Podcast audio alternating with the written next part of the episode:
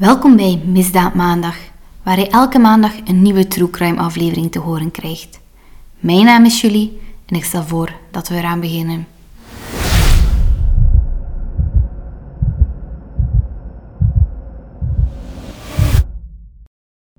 Wat is er gebeurd met Elke Wevers?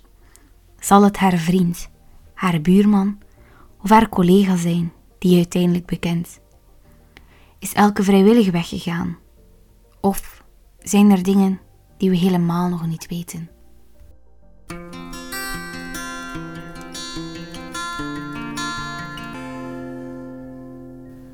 Donderdag 9 december 2010. Een doodgewone dag. Elke Wevers vertrekt zoals elke werkdag naar het ziekenhuis, waar ze als directieassistente werkt.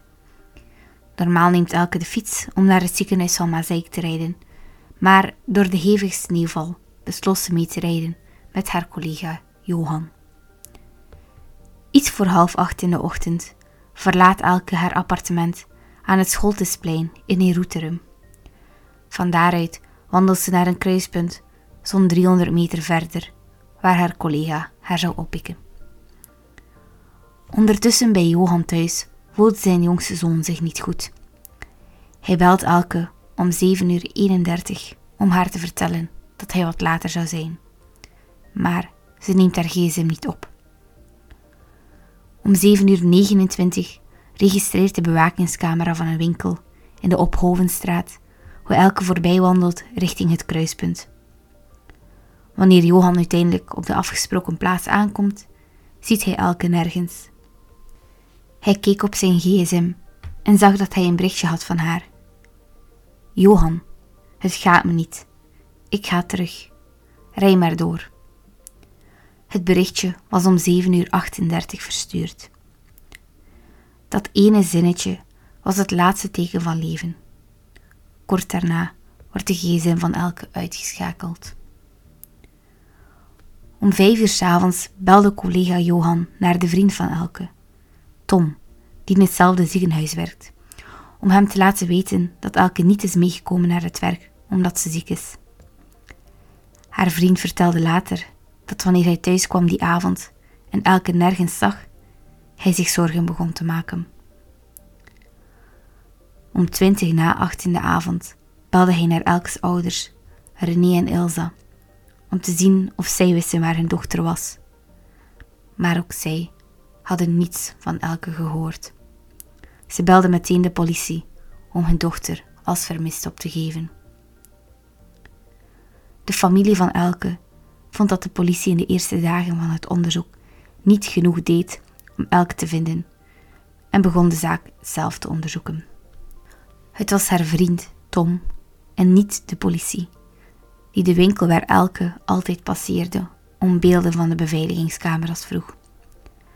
Het zou de laatst bekende video zijn waarop elke vermoedelijk te zien is. Wanneer de beelden worden vrijgegeven, gelooft de collega Johan dat de vrouw die op de camerabeelden te zien is, Elke niet is. Ook haar ouders hadden niets op te merken aan de camerabeelden. Zij dachten dat het wel Elke was, maar ze vonden niets anders vreemd. De persoon op de beelden sloeg rechtsaf op de kruising terwijl elke normaal gesproken altijd links zou afslaan. Was dit omdat ze het blokje om zou lopen en op die manier terug naar huis zou keren? Dit vonden de ouders raar, want ze had daar ook gewoon kunnen omdraaien en via dezelfde weg terugkeren naar huis. Of was er een andere reden waarom ze rechts in plaats van links afsloeg? Haar vriend Tom beweert dat Elke niet terug naar huis is gekeerd. Hij vertrok naar het werk enige tijd nadat Elke was vertrokken. Dus, als Elke meteen was teruggekeerd, had alles niets meer dan een half uur geduurd en hadden ze elkaar nog moeten zien. Ook met dat laatste berichtje die Elke had verstuurd, was er iets vreemd aan de hand. Op basis van de schrijfstijl van het sms'je geloven haar ouders dat het berichtje niet door hun dochter is geschreven, maar door de persoon die haar iets zou hebben aangedaan. Tijdens het onderzoek zijn er heel wat theorieën besproken over wat er nu met elke bevers gebeurd zou kunnen zijn. Theorie 1 is dat haar vriend Tom achter de verdwijning van Elke zit en dat hij haar heeft vermoord. Elke had al een lange tijd de vermoedens dat haar vriend haar bedroog. Het is bekend dat ze zonder zijn medeweten zijn computer heeft doorzocht om bewijs van de affaire te vinden. Enkele dagen voor haar verdwijning besloot Elke om eerder te stoppen met werken en wandelde ze van Mazeik terug naar haar appartement in Neruterum, een wandeling van minstens een uur. De redenen hiervoor zijn onbekend, hoewel gedacht wordt dat toen ook de computer doorzocht. In de nacht voor haar verdwijning was er ook ingelogd op de computer. En men denkt dat het deze keer ook Elke was. Op de dag van haar verdwijning had Elke gezegd dat ze zich niet goed voelde en naar huis ging keren. Men denkt dat ze dit zei omdat ze dan nog eens op die computer kon kijken. Die ging namelijk die dag vervangen worden en men denkt dat ze dit zag als een laatste kans om informatie te vinden. Op 12 december 2011, een jaar na de verdwijning, werd Elkes vriend gearresteerd nadat hij niet was geslaagd voor een leugendetectortest die hij vrijwillig had afgelegd. Hij antwoordde nee op de vragen: Weet jij iets over de verdwijning van Elke? En heb jij iets te maken met haar verdwijning? Uit de test bleek dat zijn antwoord op beide vragen een leugen was. Nu, ik wil wel even zeggen dat de leugendetectortest niet altijd even betrouwbaar is. Er zijn meerdere factoren die de resultaten van een test kunnen beïnvloeden, die zowel positief als negatief kunnen zijn voor de persoon. Zo'n test zou nooit de reden tot veroordeling mogen zijn, vind ik. Maar ik vind het wel een goed middel om van daaruit verder te werken en bijvoorbeeld een extra verhoor in te lassen of op basis van de gefaalde test een huiszoekingsbevel krijgen. Tom werd na zijn leugendetectortest opgepakt door de politie en zijn appartement werd grondig onderzocht. Het Openbaar Ministerie hield er rekening mee dat, indien hij Elke had vermoord, hij zich ontdaan zou hebben van haar lichaam in de verbrandingsoven van het ziekenhuis waar de twee werkten. Speurders vonden echter geen bewijzen dat Tom achter de verdwijning van Elke zat. 17 dagen na zijn aanhouding moest hij de gevangenis van Hasselt verlaten. Theorie 2 is dat haar collega Johan er iets mee te maken zou hebben. De politie brengt hem na de verdwijning van Elke een bezoekje. Zijn gsm werd doorzocht en ook zijn auto wordt in beslag genomen voor sporenonderzoek, maar dat levert niets op. Nu, even een kleine side note. De gsm werd niet meteen meegenomen. De politie had gevraagd aan Johan niets van zijn gsm te verwijderen of de telefoon te verkopen en dat hij hem maar eens naar het politiebureau moest brengen, zodat ze het konden onderzoeken. Ook bij de auto van Johan was dit het geval. Het is niet dat de politie die auto meteen in beslag heeft genomen. Enkele maanden na de verdwijning van Elke wou hij zijn auto verkopen, waarop hij zelf naar de politie is gestapt met de vraag of ze deze nog wilden onderzoeken. Hij wilde namelijk niet beschuldigd worden van het wegwerken van mogelijk bewijsmateriaal. Dus pas enkele maanden later werd de auto onderzocht op mogelijke sporen van Elke. Mocht Johan er iets mee te maken hebben, dan denk ik dat hij deze sporen in al die maanden tijd wel al heeft uitgewist. Domme zet van de politie dus, als je het mij vraagt. Toch zijn er nog wat kleine twijfels bij Johan. In een podcast waar hij aan heeft deelgenomen, lijkt hij wel oprecht over te komen, maar maakt hij een paar vreemde opmerkingen. Bijvoorbeeld, er is informatie dat hij elke belde de ochtend van haar verdwijning, om 7 uur 31, maar in de podcast zegt hij dat hij haar een berichtje had gestuurd. Klein detail, maar toch. Dan vertelde hij ook dat hij naar de vriend van Elke had gebeld om 5 uur in de avond om hem mee te delen dat Elke hem die ochtend had ge-sms'd, om te zeggen dat ze zich niet lekker voelde en naar huis ging. Waarom liet hij hem dat pas op het einde van de dag weten? En waarom liet hij het überhaupt weten?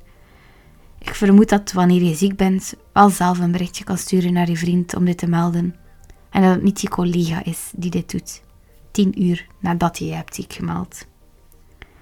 En dan later op de avond belt Tom, de vriend van Elke, naar Johan de collega om te vragen of hij Elke heeft gezien. Waarom zou de vriend bellen naar de collega als hij al wist dat hij Elke niet heeft meegenomen naar het werk en haar dus niet heeft gezien? Het zijn allemaal kleine dingetjes die waarschijnlijk te verwaarlozen zijn, maar in een zaak die na twaalf jaar nog niet is opgelost, denk ik dat elk detail, hoe onbelangrijk het ook lijkt, telt. Hoewel de politie wel degelijk interesse toonde in Johan, werd hij uiteindelijk nooit als verdachte in de zaak genoemd. Theorie 3 zou dat weer te maken hebben met iemand die in hetzelfde gebouw woonde als Elke. Een man genaamd Ulrich Koch. Rond december 2015 nam een familielid van Ulrich contact op met de Belgische politie. De persoon deelde de politie mee dat kort na de verdwijning van Elke Ulrich naar Zwitserland was verhuisd en daar twee jaar later op brute wijze een bejaarde man met een bijl had vermoord. Elke en Ulrich kenden elkaar ook omdat ze in het verleden lid waren van dezelfde milieuorganisatie. Een team van zeven Belgische onderzoekers reisde af naar Lapland. Ulrich, die aan een psychische aandoening leed, getuigde dat hij niet achter de verdwijning van Elke zat. Ook zijn moeder zei dat ze niet op de hoogte was van enige betrokkenheid van haar zoon. Ze beweerde ook dat haar zoon een alibi had voor de dag van de verdwijning. De politie heeft de man ondervraagd en zijn huis doorzocht, maar heeft uiteindelijk niets gevonden. Theorie 4 gaat over een loodgieter die ook in hetzelfde gebouw woonde. Sinds december 2016 en in de loop van 2017 begon de Nederlandse predetectieve Ben Zuidema, die door de familie was ingehuurd om de zaak te onderzoeken, details over zijn bevindingen vrij te geven. De detectieve denkt dat een loodgieter die in hetzelfde flatgebouw woonde, betrokken was bij de verdwijning van Elke. Dagen na haar verdwijning kocht hij een gekoelde vleeswagen. En acht dagen na haar verdwijning reed hij met die vrachtwagen naar Meaux in Frankrijk, niet zo heel ver van Parijs. In de periode daarvoor werkte hij aan een kasteel in de buurt, maar vanwege de winter lagen de werkzaamheden een paar maanden stil. In plaats van de logische weg, de snelweg, te nemen, nam hij verschillende binnenbaantjes om zijn bestemming te bereiken. Uiteindelijk kwam zijn vrachtwagen vast te zitten in het bos bij het kasteel. Volgens de privédetectieve hadden vrienden van de persoon contact met hem opgenomen. De loodgieter gedroeg zich namelijk heel vreemd bij aankomst en vertrok bijna onmiddellijk zonder te werken. Dus waarom zou je met een koelwagen zeker meer dan vijf uren via allerlei binnenweggetjes rijden om dan meteen weer te vertrekken? De Belgische politie heeft de man verhoord en hem aangeboden een leugendetectortest te doen, wat hij weigerde. Ze doorzochten ook zijn appartement en vier van zijn auto's, maar een vijfde voertuig van de persoon, de gekoelde vleeswagen, zou nooit zijn doorzocht. Ze keken ook kort even in de garage van de man, maar deze was veel te rommelig om ze te doorzoeken. De persoon werd uiteindelijk ook nooit als een verdachte in de zaak genoemd. Theorie 5 betreft een mogelijke stalker. Enige tijd voor haar verdwijning vertelde Elke aan verschillende familieleden dat ze het gevoel had dat ze gevolgd werd. Was Elke haar druk aan het maken om niets? Of was er echt iemand die haar volgde? En als Elke echt werd gevolgd, door wie dan? Johan de collega? De zogezegde minnares van haar vriend? De doorgedraaide buurman, de loodgieter uit het gebouw, of was het totaal iemand anders? Deze piste is uiteindelijk nooit onderzocht. En de laatste theorie gaat erom dat elke uit zichzelf is vertrokken om een nieuw leven te beginnen of zelfmoord heeft gepleegd. De familie gaat niet mee in deze theorie. Ze vertellen dat er geen enkele reden was dat elke vol op de toekomst aan het plannen was.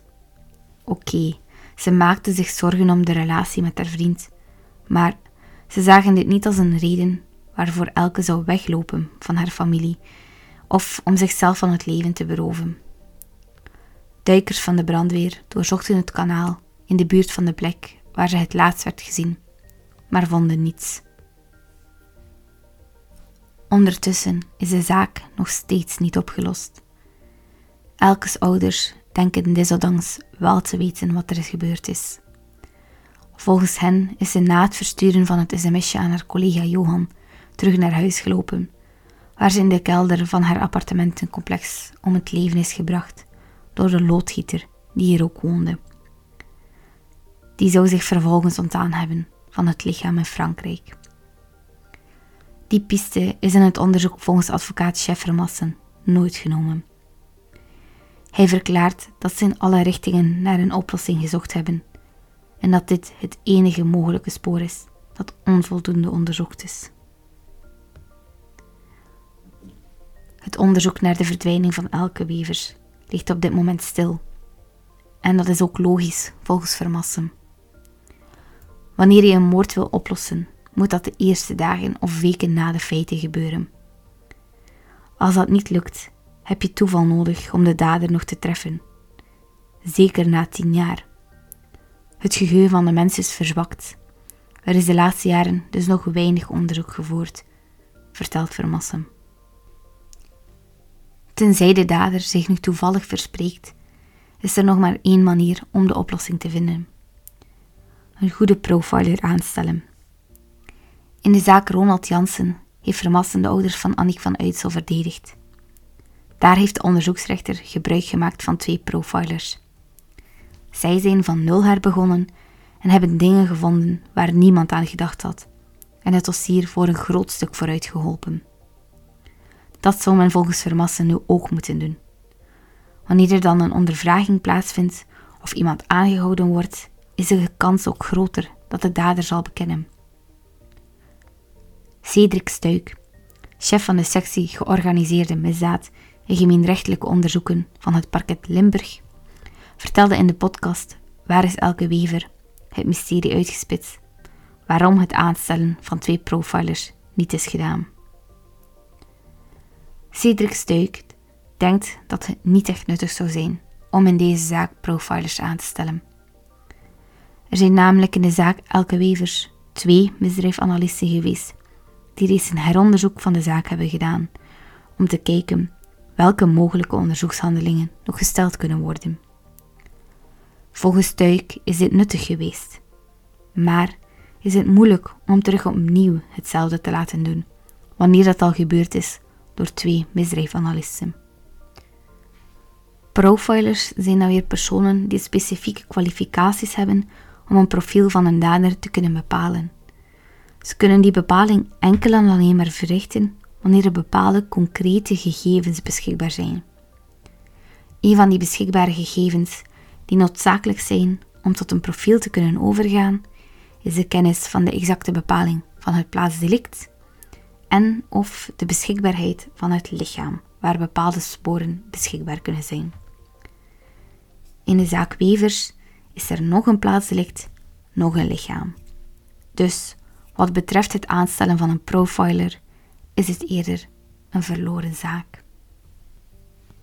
Tot op vandaag is Elke nog niet teruggevonden en kan men niet met zekerheid zeggen wat er is gebeurd. Haar familie geeft niet op en blijft verder zoeken. Elsa Reeskens, de moeder van Elke, is jammer genoeg op 66-jarige leeftijd overleden. Ze stierf bij haar thuis in Opoeteren na een strijd tegen slokdarmkanker. Op de dag van haar verdwijning, 9 december 2010, was Elke Wevers 32 jaar oud. Ze is normaal gebouwd en ongeveer 1,70 meter lang. Ze heeft kastanjebruin haar dat ze heel vaak in een paardenstaart draagt. Op het ogenblik van haar verdwijning droeg ze een zwarte driekwartsvest, een zwarte jurk en een zwarte handtas. Ze had ook een lichtkleurig tasje bij zich met een schoen in die ze zou binnenbrengen bij de schoenmaker en een zwarte paraplu. Mocht je meer informatie willen over de verdwijning van Elke Wevers, kan je gerust zelf eens googelen. Er is geen schat aan informatie te vinden, maar wel genoeg waardoor je toch een beeld kan schetsen van Elke en haar verdwijning. Als je echt tot in het detail wil mee zijn, dan raad ik je aan om naar de podcast Waar is Elke Wevers? Het mysterie uitgespit te luisteren, gemaakt door de krant Het Belang van Limburg. In deze podcastreeks reconstrueert Geert op het einde de volledige verdwijning van Elke, bespreken ze alle mogelijke pistes en laten ze ook verschillende mensen aan het woord die dicht bij Elke en de familie staan. Ik heb uit deze podcast ook zelf heel veel informatie gehaald om uh, deze aflevering te kunnen maken. Dus het is echt wel een aangename en goede podcast om naar te luisteren. Ik wil deze aflevering van de podcast afsluiten met een oproep om Elke niet te vergeten. De familie van Elke zit in mijn gedachten en ik hoop dat ze ooit het antwoord krijgen op de vraag wat er met haar gebeurd is.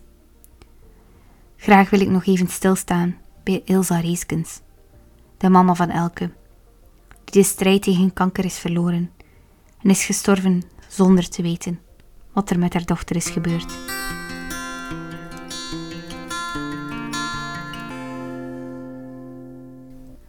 Dankjewel voor het luisteren en hopelijk tot volgende maandag bij een nieuwe aflevering van Misdaad Maandag.